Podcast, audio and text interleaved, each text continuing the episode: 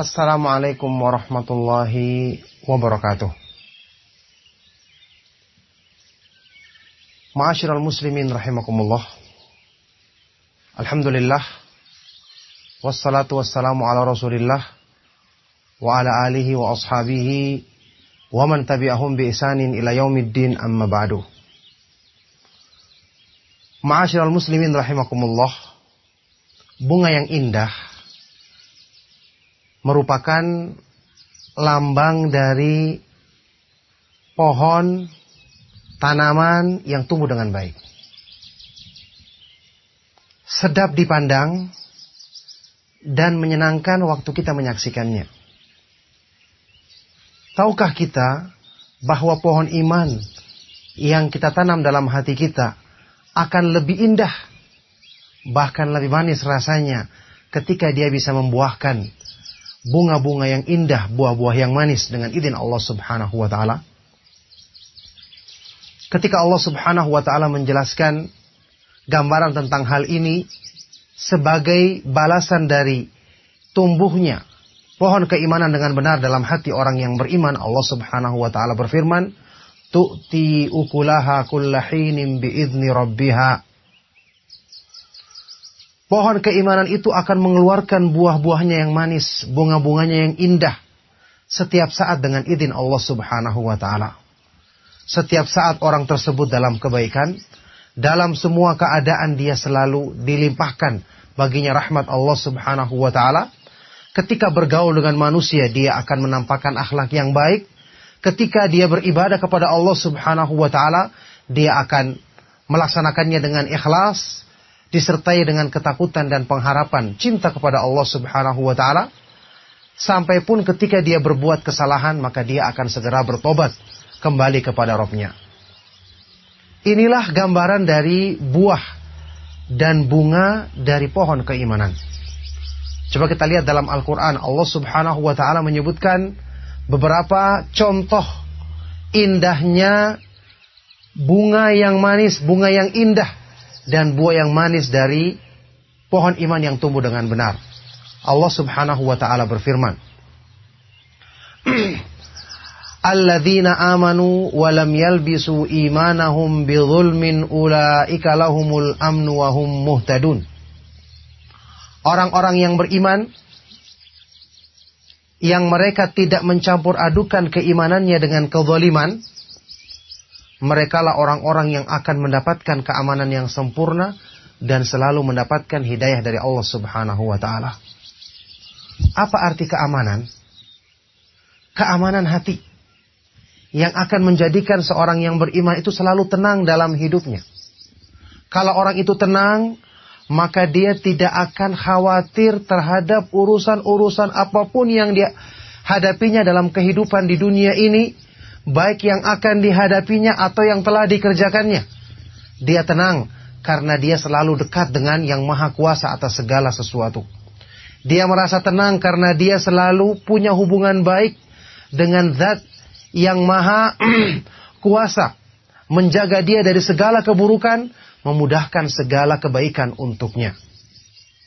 Makanya orang yang beriman, ketika dia takut kepada Allah, Ketika pengharapannya benar kepada Allah, cintanya benar kepada Allah sebagai bukti pohon imannya tumbuh dengan baik, dalam ketakutannya dia akan merasa tenang dan damai. Inilah rahasia kedamaian dan ketenangan yang paling didambakan hati manusia.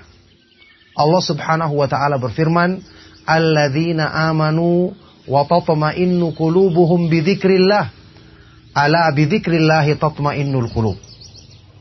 Orang-orang yang beriman, yang hati mereka menjadi tenang ketika mengingat Allah mendekatkan diri kepada Allah.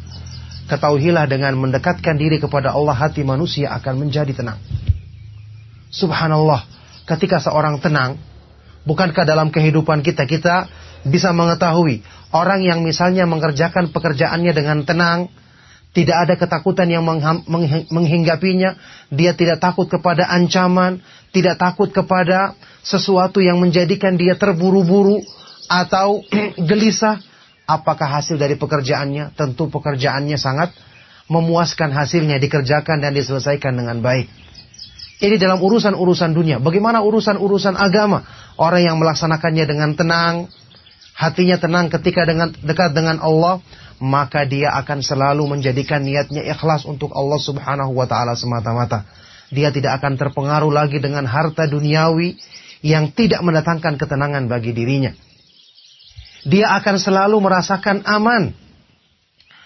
Sebesar apa pun ancaman dari orang-orang yang menginginkan keburukan musuh-musuh Islam ketika mengancam dirinya. Bagaimanapun tipu daya syaitan kuatnya ketika dia merasa tenang dan selalu hanya merasakan damai ketika dekat dengan Allah Subhanahu wa taala, dia akan bisa ya merasakan keamanan ketika orang-orang yang tidak mengenal Allah Subhanahu wa taala merasakan takut. Makanya inilah inti dari semua kebaikan-kebaikan yang diinginkan pada hati manusia.